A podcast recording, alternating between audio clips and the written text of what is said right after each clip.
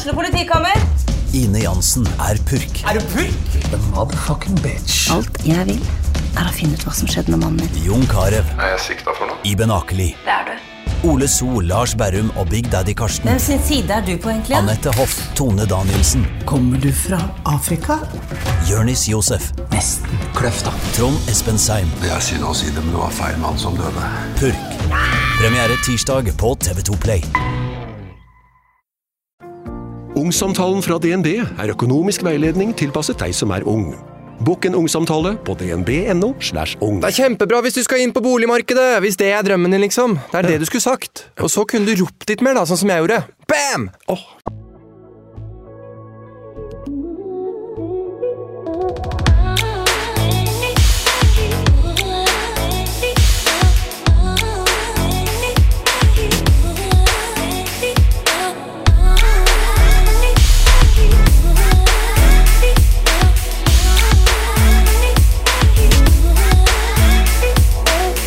Jeg føler at man alltid vil ha det man ikke kan få, på en måte.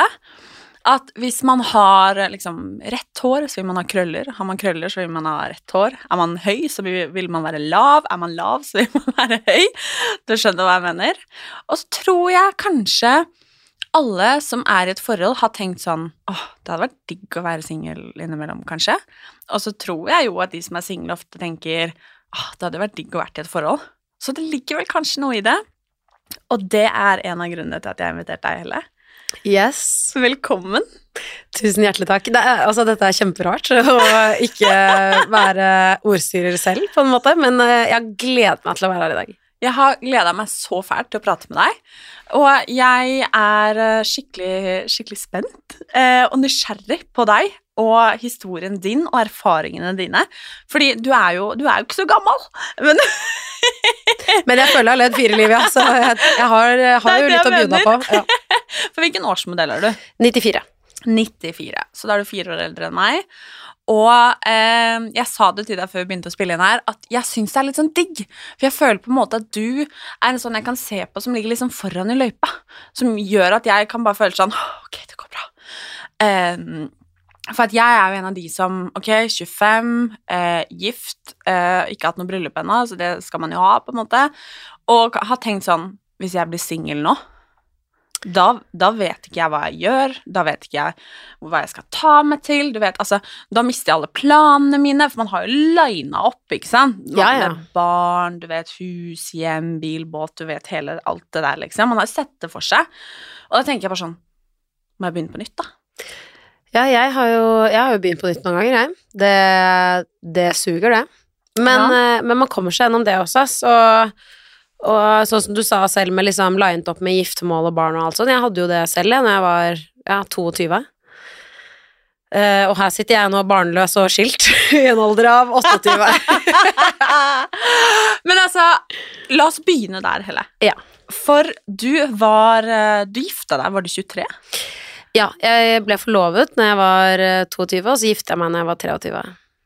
Hva, Mm. Altså, fordi det liksom var eh, din livs kjærlighet? Eller hva hva Fordi det er jo liksom Det er jo ungt. Det er veldig ungt. Um, det skal uh, sies at jeg kanskje alltid har uh, Jeg har ikke fulgt den normale veien i livet, uh, som kanskje de aller fleste har gjort. Jeg ville ikke studere etter endt videregående.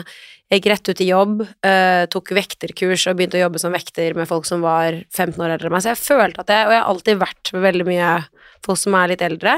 Jeg er eldst uh, av to søsken, uh, så jeg har liksom ikke hatt så mye folk som har guidet meg sånn på min egen alder heller, så jeg bare måttet finne min egen vei. Um, og så har jeg bare hatt litt den gi faen-mentaliteten, kanskje. Skal man være så ærlig å si det. Um, og så var jeg 22 da, jeg følte meg veldig voksen, hadde voksenjobb, tjente voksne penger, hadde kjøpt min egen leilighet, uh, første leiligheten min kjøpte jeg da jeg var 19. Um, så jeg, jeg følte at jeg på en måte var veldig voksen uh, når jeg kun var 22. Så for min del, når jeg husker tilbake, så følte jeg meg ikke ung, og selv når jeg tenker på meg som 22 og meg som 28, så føler jeg at det er ganske lite forskjell. Jeg vet at jeg har utviklet meg, og jeg har fortsatt en lang vei å gå, men jeg står virkelig ved at eh, det valget var helt riktig der og da. Eh, og jeg angrer ikke et sekund på det. Men jeg, jeg, giftet meg veldig, veldig tidlig, og jeg møtte jo eksmannen min ehm, Han fridde jo etter tre måneder. Det er jo en psykotisk ting å gjøre. Men eh, vi, det var en kjærlighet som var helt ekstremt sterk. Jeg hadde aldri opplevd det før i livet, og hvis man er så heldig å ha opplevd en sånn type forelskelse, så vet man hvor lett det er å bli revet med. Og eh, vi hadde det helt fantastisk, og året etter, da, så giftet vi oss. Vi hadde vært sammen nesten ett og et halvt år eller noe da vi gifta oss. Og det er jo ikke så lenge, men det er jo ikke helt unormalt heller, på en måte. Uh, og det var jo veldig, veldig fint og flott, uh, men det, ekteskapet varte jo kun et par år. Uh, og jeg husker veldig godt um, uh, når uh, de, det ble ferdig, da, hvis jeg skal Jeg prøver å ordlegge meg for ikke um, kaste noen under bussen her, for det var ikke noe dramatisk skilsmisse. Jeg syns han fortsatt er så flott og verdens snilleste mann, og familien hans er helt fantastisk. Men jeg bare husker når, når jeg forsto selv at sånn uh, Det her kommer ikke til å vare livet ut, da, som var planen i utgangspunktet. Så var, ble jeg så jævlig skuffet over meg selv, da møtte skikkelig veggen fordi hele livet ditt bare forsvinner jo under føttene dine, og litt sånn som du nevnte i introen her også, at du har sett for deg et liv, um, og man hører jo at folk som Man hører jo om skilsmisserater og her hvor det går, men i hvert fall jeg tenkte sånn, ja, men det kommer ikke til å bli meg. Det kommer ikke til å være mitt liv. Um, men det ble det, og jeg måtte bare omstille hjernen min, og det tok et uh, sekk. Men jeg har hørt at uh, når kvinner kommer ut av Dette her syns jeg er veldig spennende, Jeg vil jeg gjerne høre din mening også. Nå tror jeg kanskje vi har hørt det samme. Ja, for jeg har hørt uh, det at uh, kvinner går gjennom sorgen ofte mens de er i et forhold, mens menn blir Eller kjenner den sorgen en stund etter breakupen. Og det kan jeg kjenne meg helt ekstremt igjen i, både i um, ut av ekteskapet mitt, men også i, i, mitt siste forhold, som jeg også kom ut av for ja, et par måneder siden. Fordi jeg har vært mye lei meg i forholdene mine, kan jeg si, og jeg har hatt det veldig mye vondt, og jeg har hatt det helt jævlig, så selv om jeg var, fikk helt sånn sjokk når jeg både ble skilt og når jeg har gått gjennom breakups, så har det også vært en litt sånn lettelse. Så det har vært en blanding av mye skam, fordi den lettelsen har jeg følt ekstremt mye skam over. Sånn, hvem faen er jeg som kan føle at livet på en måte er bra og så jævlig samtidig? Eh, samtidig som det å stå i et breakup og skulle ha verden forsvinne under føttene på en å, fy faen, det er vondt, ass. Jeg tror mange kan kjenne seg igjen i det. Fy faen, det er så jævlig, og jeg, man ser det ikke komme, og så har man kanskje en magefølelse. Det var så mye følelser, altså. Ja, ja. Men uh, ja. Men da lurer jeg på um, Det å gå gjennom en skilsmisse, du sier det jo litt selv, og det er jo en del skam knytta til det.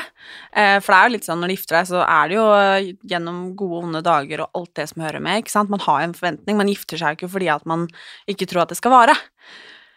Hvordan liksom var det å fortelle folk om dette her? Altså, hva følte du?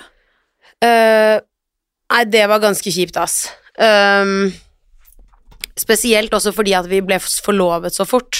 Uh, så jeg følte at jeg på en måte først måtte jeg justify forlovelsen til alle vennene mine, for alle var bare sånn Og flere som på den tiden sto meg nært, som ikke står så nært nå, ble på en måte nesten sinte mer enn at de ble glad når de hørte om forlovelsen, som jeg har vært ekstremt skuffet over i ettertid. Men, uh, men jeg måtte liksom være sånn Nei, men det blir bra. Jeg lover dere, bryllupet blir fantastisk. Altså, vi skal ha det bra. Altså, jeg ble helt sånn obsessed med nesten å overtale folk til at det var riktig, for så at liksom tre år senere så skulle jeg gå og fortelle de samme menneskene at uh, ja, nei, det funket ikke, dere hadde rett hele tiden. Og det var uh, som et slap i trynet. Det var dritkjipt. Dritkjipt og mye skam. Men uh, jeg husker at jeg tenkte uh, før jeg skulle si det til dem For jeg er en person som liker å holde kortene tett til brystet uh, når man står i situasjonen. Og da husker jeg at jeg var sånn, ok, til søsteren min og mammaen min så var jeg sånn, ok, jeg må på en måte soft launche litt dette til dem. Jeg er sånn person som ofte ikke deler noen av følelsene mine, også når, det, når, når ting har et punktum, så er jeg sånn Dette er situasjonen, vær så god. Og det kan være veldig overveldende for de som står veldig nære, ofte. Eh, Så jeg, jeg jobbet med det litt da, en stund, at jeg liksom inkluderte de mer i prosessen de siste par månedene før faktisk skilsmissen gikk gjennom. Så når, eh, eller separasjonen da, så når separasjonen kom, så var i hvert fall mine nærmeste eh, De visste ganske mye, da, om, om hva jeg tenkte og følte og, og sånn, og det gjorde det veldig, veldig mye lettere. Det skal sies at på den tiden så øh, hadde jeg ikke en offentlig plattform som jeg har nå. Så jeg er veldig glad for at jeg ikke øh, Ja, øh, jeg var jo sammen med en person som var mer offentlig enn det jeg var. Så det var liksom ikke det presset jeg kanskje hadde kjent på nå, da. Hvis det hadde kommet ut og vært livet, livet mitt nå, hvis du forstår hva jeg mener. Mm, jeg skjønner veldig godt hva du mener. Og det er jeg jævlig glad for, ass. Fy faen i helvete! Fordi det derre presset og folk som snakker og sånn, det Jeg tror det kan eh, Jeg tror det kan ta alle på en, eh, en dårlig dag, ass. Mm. Det kan være Det tror jeg òg. Mm. Helt klart. Fordi hvordan var det da å på en måte lappe seg sammen fra det? Du har på en måte vært gift, ikke sant? Man ser for deg det, det som liksom hører med der, og du skal ta fatt på livet på nytt, for jeg tror det er det som en del Ja.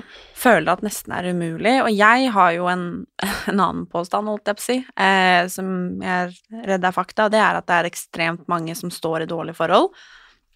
Eller jeg tror ikke nødvendigvis de trenger å være dårlige engang. Jeg tror det kan være kjempebra, det er bare ikke riktig, på en måte. Um, og som ikke tør å gå av forskjellige årsaker. Ehm, og jeg er redd at en av de årsakene er at man er redd for å være aleine. Man er redd for å begynne på nytt. Man er liksom redd for å gjøre en feil, ikke sant? Um, så hvordan tok du deg fra et ekteskap til gjennom en skilsmisse og ut i verden igjen, da, på en måte? Ja, det var en prosess, ass.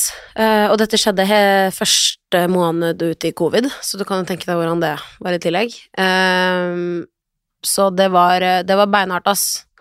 Men eh, det viktigste for meg var eh, å okkupere hodet mitt, for jeg er en person som hvis jeg er mye alene, så får jeg lett tungsinn.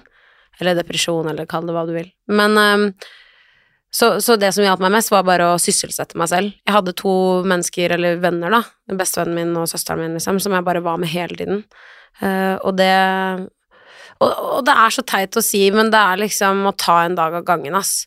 Fordi hvis jeg tenker for mye fremover, og det gjelder nå også, nå som jeg har det veldig bra, hvis jeg planlegger for mye frem i tid, så blir det for mye for meg. Altså, det er som hjernen min bare skjøtter ned, for jeg blir kjempefull av angst, og alt er vondt. Og det merket jeg jo i den tiden var helt crucial, at for at jeg skulle finne meg igjen, da, og bygge meg opp, så måtte jeg ta en dag av gangen, og, og bli glad i de små gledene i livet igjen. Og de små gledene, jeg kødder ikke, det var å uh, gå ut og lukte på en blomst, liksom. Det var, uh, det var et mørkt hull jeg var i på den tiden, og det var liksom bare hvordan finne de små gledene igjen, da. Og, jeg, og jeg, det var litt det jeg gjorde ting som jeg vet egentlig gjør meg glad, men på den tiden gjorde meg ikke glad. Som for eksempel å male, da. Sånn jeg, jeg kunne hate å male, men jeg bare satte meg ned og faen meg malte. Bare fordi jeg visste at det på en måte kom til å gi meg glede. Um, til slutt, hvis jeg bare gjorde det lenge nok, fordi det er så klisjé å si at eh, eller tid leger alle sår. Men jeg skal ikke si at det var eh, en lett vei, og jeg måtte absolutt ha hjelp gjennom terapi og få profesjonell hjelp, fordi det var eh, Det hadde jeg nok ikke klart på egen hånd. eh, Det kan jeg si. Er du lei deg nå i etterkant for at det ble som det ble? Uh, nei. Og det er også fordi jeg egentlig er jævlig stolt over det valget. Um, og ikke fordi Og det høres kanskje veldig rart ut, nå prøver jeg å ordlegge meg på riktig måte, men jeg mener stolt i form av at jeg valgte meg. Og eh, som sagt, min eksmann og jeg, vi har god kontakt, og det er ikke noe bad blood, det var ikke noe dramatisk der. Vi bare var veldig unge, falt veldig, ble veldig fort forelsket, eh, og tenkte kanskje ikke på helheten av livet, hva man ønsker, og kommunikasjon og liksom alt det andre. Vi var bare stormforelsket i tanken om oss, mer i hvordan realiteten av livet skulle se ut, da. Eh, og vi innså det begge to, tror jeg, eh, og, det var jo en mutual greie på en måte. Nei, så jeg I bunn og grunn så skulle jeg ikke ønske at det var annerledes. Jeg syns vi eh, Måten vi avsluttet det på, er, har jeg funnet ut er det ryddigste jeg har gjort i mitt liv. Det ble gjort ordentlig og med kjærlighet og omtanke, så det gjorde at jeg ikke angrer på noen ting i ettertid. Det var aldri noe uærlighet, og det var, det var ikke noe løgner, det var ikke noe ufint. Det var bare en jævlig stor skuffelse for at det ikke gikk, men det er ingenting å angre på, fordi livet i etterkant ble sånn det skulle være. Eh, og så nå ser jeg tilbake på det som et fantastisk kapittel i mitt eget liv. Eh, og jeg er dritstolt av den tiden. Jeg gjorde jævlig mye fett. Eh, eh, Eksmannen min tok meg med steder jeg aldri hadde opplevd, uh, for han jobber mye i utlandet. Og jeg, vi gjorde så mye gøy, vi hadde så jævlig mye gøy. Så, så det var en fantastisk tid i livet, altså. Det kan jeg si, så jeg angrer ikke på noe som helst. Hvordan var det da å på en måte skulle begynne å date igjen? Eh, Åh, fy faen, det var, det, det var mye verre. Ah, Men eh, nei, det var kjemperart, ass. Eh, og i hvert fall liksom i covid og ja, det kan jeg ikke forestille meg engang. ja, nei, så det gikk jo ganske lang tid, da. Eh, det endte med at jeg flyttet inn i min gamle leilighet, for jeg solgte aldri leiligheten min. Eh, jeg leide den ut. Ja. Så jeg solgte jo aldri leiligheten min, eh, sånn på godt og vondt, på en måte. Så det endte med at etter tre måneder så Eller jeg hadde jo leieboere der, og etter tre måneder så flyttet jo de da ut. Og så flyttet jeg inn, og så la jeg ut en annonse på Finn. Eh, Så jeg fikk meg verdens hyggeligste roomie. Eh, Og vi hadde vi hadde det veldig hyggelig, vi. Det var covid og rødvin og raclette, og det var bare jævlig god stemning. Men det var ikke Det var jo dating, men det var jo limited med dating. Det var covid, liksom. Så alle som var single under covid, kan vel kanskje huske hvordan det var, liksom. Men eh, nei, det var rart, ass, og spesielt det å skulle ligge med noen nye etter liksom, du kommer ut av et ekteskap og sånn, var kjemperart. Selv Altså, det må ja. vi faktisk snakke litt om. Ja. For at det eh, kan jeg på en måte få hetta for eh, å tenke på sjæl, på en måte. Eh, bank i bordet og alt der. Men altså sånn Det tror jeg alle som har vært i et forhold, eller er i et forhold, bare tenker sånn eh, Altså, hvordan, hvordan gjør man det, på en måte? Ja, det rareste jeg syns med liksom, når man har vært i forhold lenge, og så skal man ut liksom og være singel igjen, da, det er det at uh, man blir så vant til noen andre sin væremåte og kropp.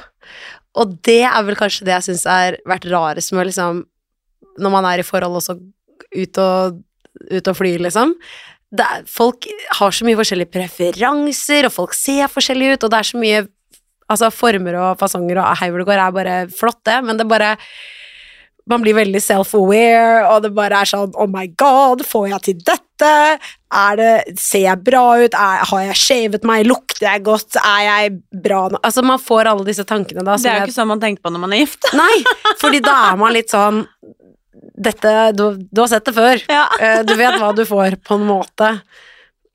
Så det var nok kanskje det jeg syntes var skum, mest skummelt.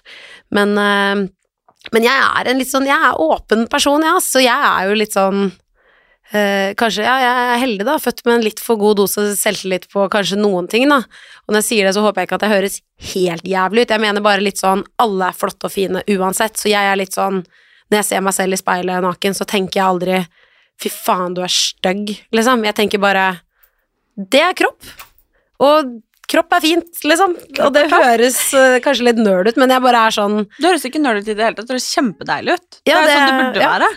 For alle. Ja, nei, det er akkurat det, og liksom hvis jeg prøver et klesplagg, dette har jeg sagt mange ganger før, og hvis jeg prøver et klesplagg, så tenker jeg aldri liksom, oi, jeg passer ikke inn i klesplagget, jeg tenker bare klesplagget er ikke bra for meg, eller sånn, det er en størrelse for lite, eller bare det passer ikke i kroppen min. Jeg tenker aldri sånn, å nei, jeg passer ikke inn i den, jeg ser ikke fin ut i den.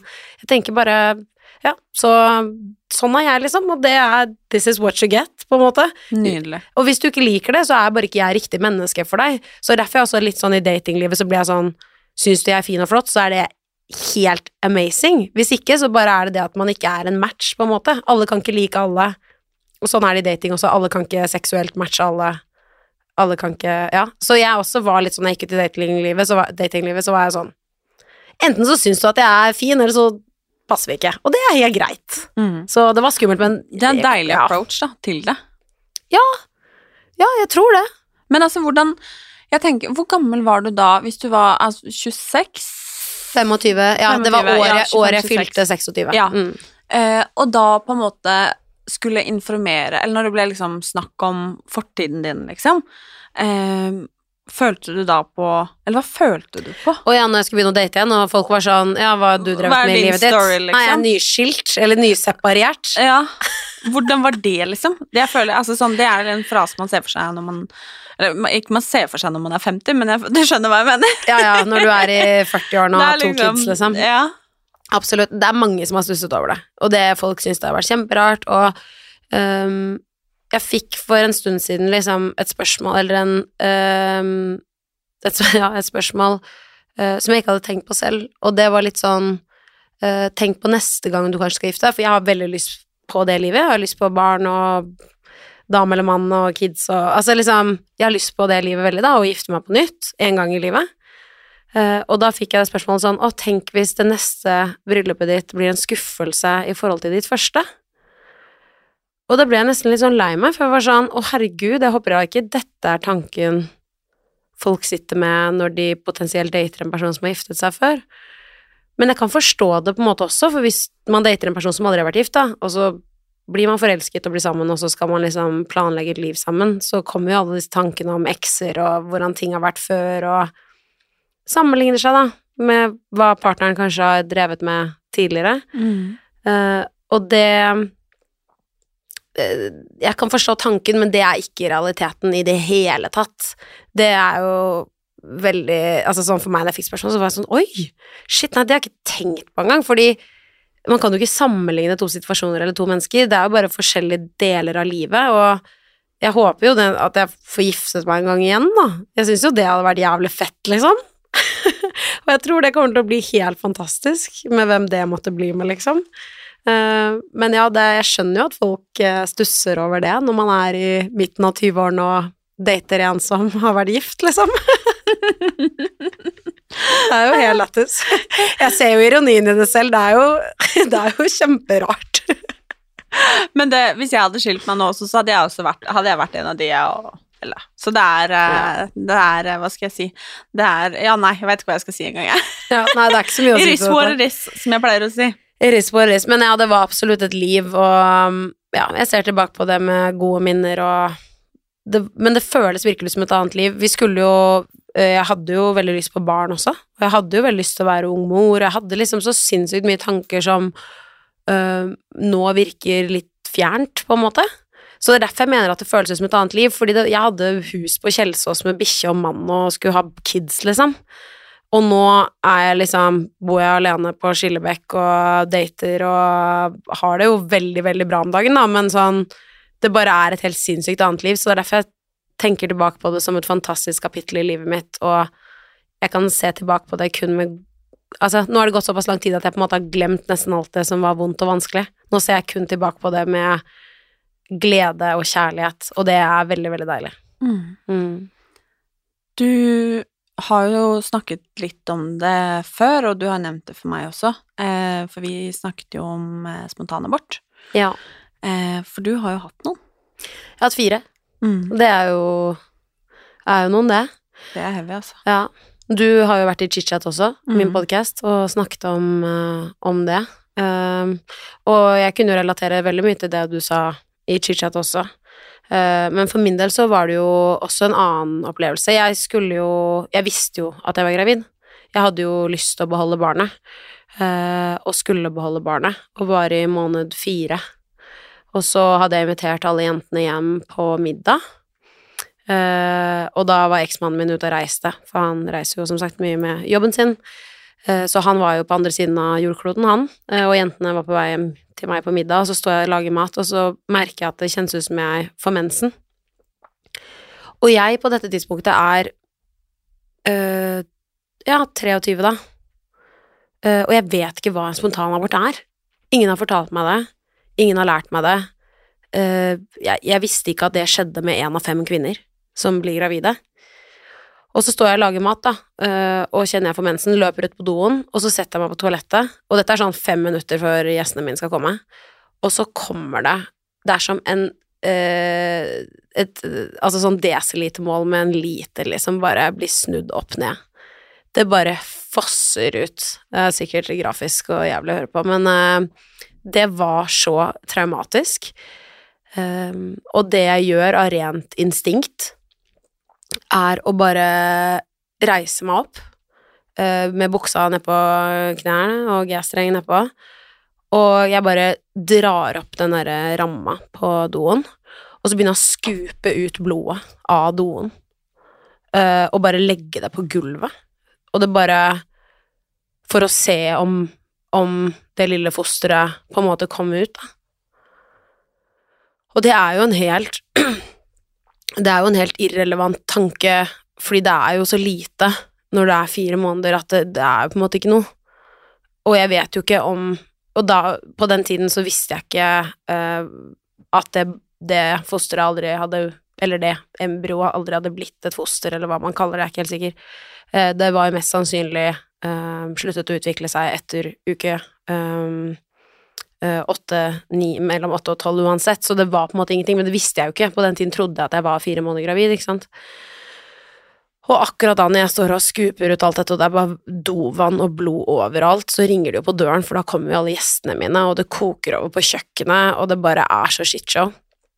Og da kommer det en kjempegod barndomsvenninne av meg inn. Uh, hun var den første som kom.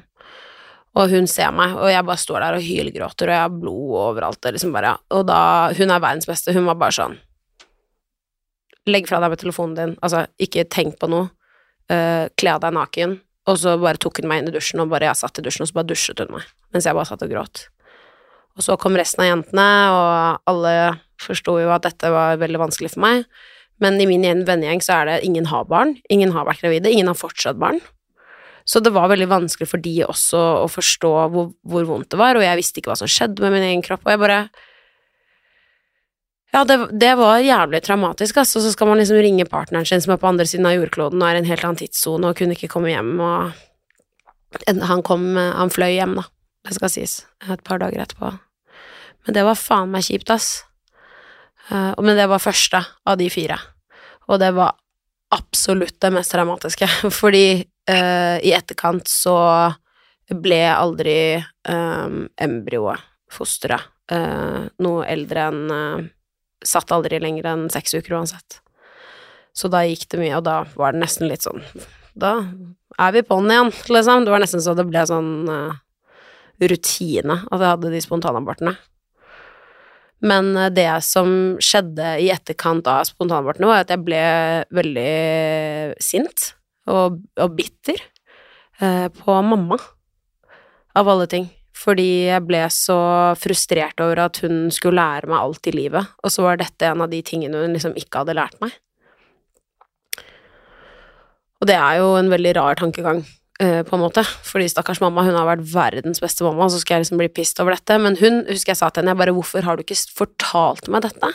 Hvorfor har du ikke sagt at dette er en del av livet? Mamma var sånn, jeg trodde du visste det du, det, det, er veldig, veldig normalt det å ha spontanaborter hvis du blir gravid, og det er kjempenormalt. Og da var jeg sånn, men hvorfor faen i helvete har ingen fortalt meg dette? Det er ikke noe sexundervisning på skolen, det er ikke noe Altså, det var bare Jeg visste ingenting om det, da. Så det var på en måte en sånn blanding av at jeg var veldig lei meg, veldig skuffet, øh, sår, hadde det vondt inni meg, og jeg var sint på øh, min, hun som står meg nærmest i verden, på en måte. Så det var en jævlig kjip opplevelse, ass. Men øh, evolusjonen øh, er jo insane. Tid legger alle sår, og når jeg sitter og snakker om det i dag, så kjenner jeg på vonde følelser, men det er ikke de vonde følelsene jeg kjente på den gang da. Mm. Så det var planlagt hver gang? Planlagt hver gang. Mm.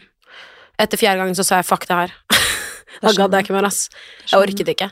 Men da lurte jeg på om det var noe helt seriøst feil, for jeg hadde gått og sjekket fertiliteten min, og de der var helt fint. Uh, men så dro jeg til Aleris Frogner og oppsøkte en uh, uh, jævskala flink gynekolog. Og hun fortalte meg da at det er bare fordi jeg har alvorlig hjernemangel. Så hun sa det at på grunn av at jeg har hjernemangel, så sliter kroppen med å forstå at fosteret skal utvikles. Altså kroppen tror at embryo-fosteret ikke er levedyktig fordi at kroppen min har hjernemangel, og det trenger barnet for å utvikle seg. Men igjen så er det sånn hun sa at hvis du hadde blitt gravid tre ganger til, så kan det godt hende at det hadde gått helt fint uten at du tok jerntilskudd. For det er bare Men det er bare Hun bare Det er bare Du er en av de personene som mest sannsynlig bare har litt mer spontanaborter. Men hun var sånn 'Du er helt frisk', og hun var sånn 'Jeg er verdens hyggeligste dame. Jenta mi, du kommer til å få masse barn. Dette går kjempebra'. Altså, jeg var sånn 'Ok, lover du meg det?' Altså, jeg var sånn helt uh, Trodde nesten ikke på henne. Men uh, ja, så det er på grunn av jern, da. Først og fremst at jeg hadde de spontanabortene. Kan ha vært andre ting også, men uh, mest sannsynlig. Tenker du ofte på sånn nå, da, hvordan det kunne vært hvis ikke du hadde fått det? Absolutt. Jeg tenker på det hver termin, jeg. Liksom hver, hver Ja, cirka rundt 15. august hvert år. Mm. Så slår den tanken meg. Og det er jo kjemperart. Men øh, Men øh, ja.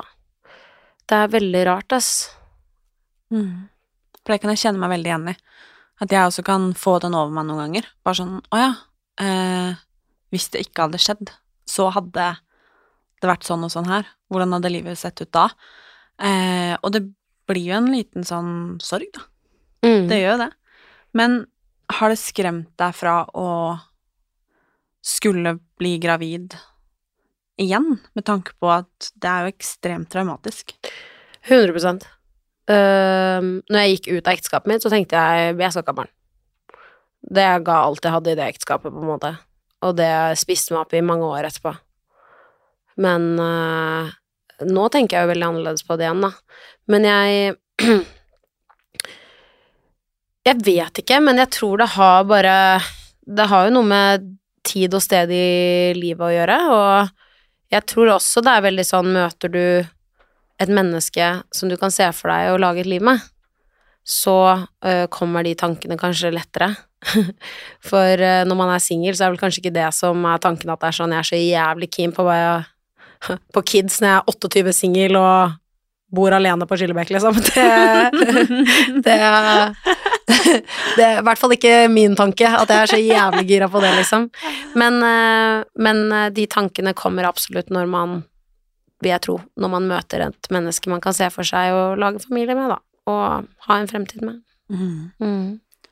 For du fikk deg jo kjæreste igjen. Det gjorde jeg. Og vi hadde noen fine år. Eh, og det var, eh, det var en tid i livet, det. Eh, akkurat det forholdet skal jeg ikke snakke så mye om. Eh, men, eh, men ja, jeg gjorde det, altså. Og eh, ble jo singel igjen nå for ikke altfor lenge siden. Og det var jo også veldig rart, da. Da var det liksom samme regla igjen, da, og det Det var jo veldig spesielt, men jeg, jeg, jeg må være så ærlig å si at uh, ingenting jeg har opplevd tidligere i livet, kan sammenlignes med den skilsmissen jeg gikk gjennom. Det var helt klart eh, det største, vanskeligste jeg selv har stått i, da. Eh, for det var liksom så veldig et liv. Det var bare sånn jeg så så veldig klart fremtiden min i det. Eh, og jeg skal ikke undergrave det siste forholdet jeg har vært i heller, det var bare veldig annerledes. Mm. For der hadde du jo begynt å etablere deg på en måte der òg. Dere hadde vel kjøpt leilighet, stemmer det? Uh, ja, men Ja. Der, er det, der er det veldig mye ting som eh, jeg ikke kan snakke om eh, offentlig, som eh, er i kulissene. Så det bare var en veldig annerledes situasjon eh, på mange forskjellige plan. Nå, prøver, nå jobber jeg hardt der, altså. Tråkker på eggeskall. det gjør du godt, syns Ja, jeg. Eller? Yes. Men eh, jeg, jeg, setter, jeg sa jo det før innspillinga, du kan spørre om akkurat hva du vil, og så kan jeg heller bare si fra med hva jeg kan snakke om og ikke, på en måte. Og det er for hensyn til andre og meg selv, da. Mm. Og nå har du vært singel eh, da en stund. Du har hatt en hot girl Om summer. jeg har hatt en hot girl summer, ja. Altså, herregud, Alexandra Joner og jeg, vi har rocka rundt. Det er jo egentlig bare derfor du er her. Det er det eneste jeg vil høre om. Det er så Altså, det skal sies da at eh, sånn som jeg nevnte i starten av podkasten også, at um, kvinner ofte går gjennom sorg i forholdet. Uh, og det skal jeg si at når jeg kom ut av det forholdet jeg var i nå, uh, så har jeg følt meg Jeg følte at jeg puster annerledes. Og det er ikke fordi at man har blitt behandlet spesielt dårlig, eller at det, det er ingen sin skyld, det bare handler om meg og meg selv og eh, min personlige utvikling. Og det å være Jeg følte at jeg var for første gang helt alene. Som voksen. Fordi jeg giftet meg som sagt tidlig, som jeg har snakket om masse nå, og liksom gikk inn i et nytt forhold i covid, så det var sånn i mellomtiden der var jeg på en måte singel, men det var covid, og det, ingen gjorde noe. Altså i hvert fall ikke jeg. Jeg var bare inne og jobbet og hang med roomien min. Det var jævlig hyggelig, men det var liksom ikke et vanlig liv. Så når jeg blir singel nå, eller da jeg ble singel nå, så um, tok jeg meg selv og liksom kjenne på en sånn ekstrem frihetsfølelse. Hvor jeg var sånn wow, for første gang i livet mitt, så lenge jeg kan huske, så kan jeg velge meg. Og det er noe av det deiligste jeg har opplevd, og det er ren egoisme.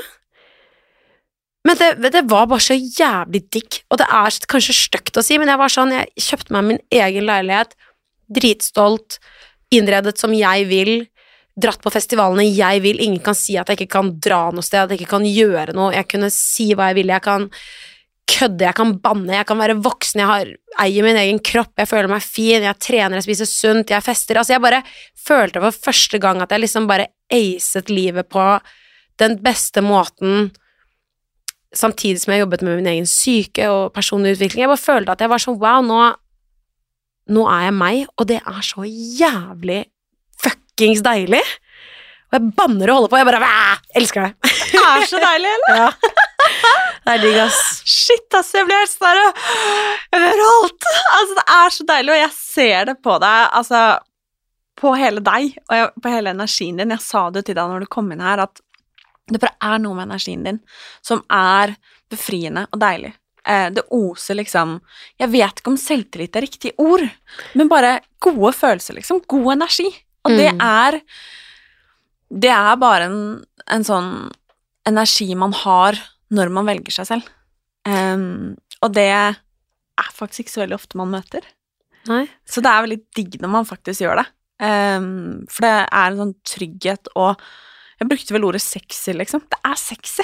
Ja, jeg, også, jeg også syns jo det er sexy hos andre. Nå vet ikke jeg vanskelig på en måte å se seg selv litt utenfra, men sånn, det hotteste jeg kan se for meg, er en person som går inn i rommet og bare er sånn skamløs seg selv.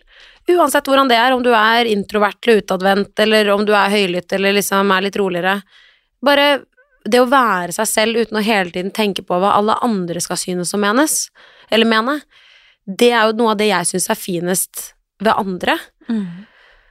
Og det er vel det jeg bare prøver å leve etter selv. Jeg forska meg ikke lett hver dag, altså, men jeg bare prøver å ikke bry meg så mye om hvordan jeg tror andre ønsker at jeg skal oppføre meg.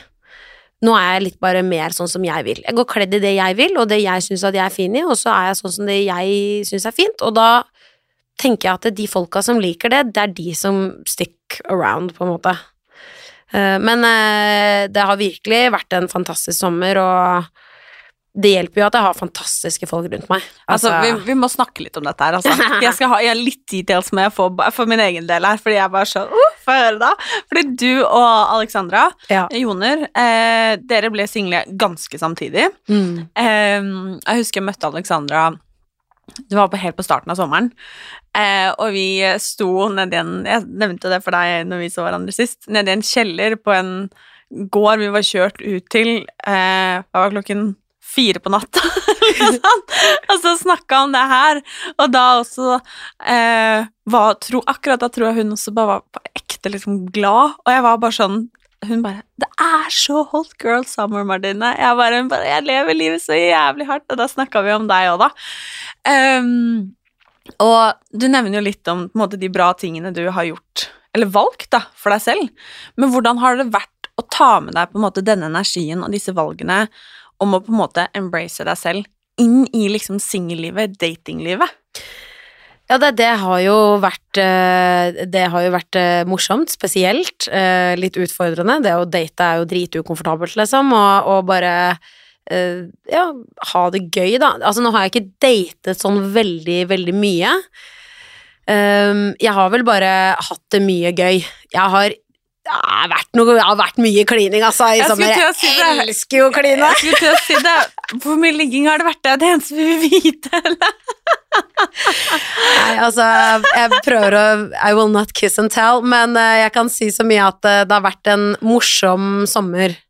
Det har det absolutt vært. Det har vært hyggelig, og det har vært morsomt. Men jeg er jo en person som også er litt sånn dette har jeg nevnt i chit-chat også flere ganger, men jeg, det er jo litt sånn at når man er ute og tenker sånn 'nå skal bare jeg være meg', jeg skal ikke ha noe seriøst med noen, jeg har vært gift en gang, jeg må slutte å være i forhold, nå må jeg bare være meg selv. Det er jo ofte at man når man har det som best med seg selv, at man kanskje tiltrekker seg andre mennesker også. Jeg har det veldig, veldig fint om dagen. Og det er jeg så glad for. Jeg sitter her på gliser, jeg blir sliten i kinna, liksom. det er så deilig. Og jeg skal si det at det er deilig å høre at man kan få det bra etter at man har trodd at det aldri vil være mulig å få det bra igjen. Er ikke det sykt hvordan øh, man kan virkelig sånn Jeg har ligget på sofaen og vært sånn og grått så vondt og hatt det så jævlig at jeg tenkte sånn nå, nå stopper hjertet mitt. Nå kommer jeg til Nå kommer jeg til å dø av bare angst og kjærlighetssorg og vonde følelser. Og så går det tid, og det er faen ikke over natten-jobbing, det, det kan jeg også bare si, men øh, man kan få det bra igjen, da. Det er egentlig bare min største motivasjon i livet, å tenke på hvor lavt jeg har vært, og hvor høyt jeg kan få det, på en måte, hvis det kan mening. Mm, absolutt. For øh, jeg har slitt med masse tungsinn, ass, i livet mitt, og spesielt liksom i tenårene. Så hadde jeg det ordentlig, ordentlig alvorlig kjipt i tider. Men jeg lærte masse av det. Og det er jo akkurat det du sier, da, at øh, at man Ja, det at man kan være så low, da, og så jobbe med seg selv og vite at det, er, det er faktisk et liv på den andre siden, da. Det er motivasjon. Eh, For jeg vet at det kommer til å komme masse tunge tider igjen. Sånn er livet. Opp og ned går det. Hele tiden. Men eh, det blir bra også igjen. Og det er bare jævlig digg, ass, å tenke på. Mm. Tusen takk for at du kom. Herregud, takk for at jeg fikk komme. Jeg føler nå har jeg Jeg, jeg snakker jo ikke så mye chit-chat, så nå har jeg faen meg Det bare rent ut av trynet mitt i Nydelig. ah, Jesus lord, jeg har have kosa mercy. meg så fælt. Jeg har kost meg så mye, og det var skikkelig, skikkelig hyggelig å komme på besøk, og jeg håper at jeg ikke snakket altfor mye. Det var akkurat det jeg gjorde der. Derfor jeg sitter Men det er jo derfor du var her! Jeg vet det. Så jeg har lyst til å bare si takk for at du kom, og takk for at du ville dele med oss. Jeg digger deg. Åh, I like måte, Martine. Tusen, tusen hjertelig takk for at jeg fikk lov å komme.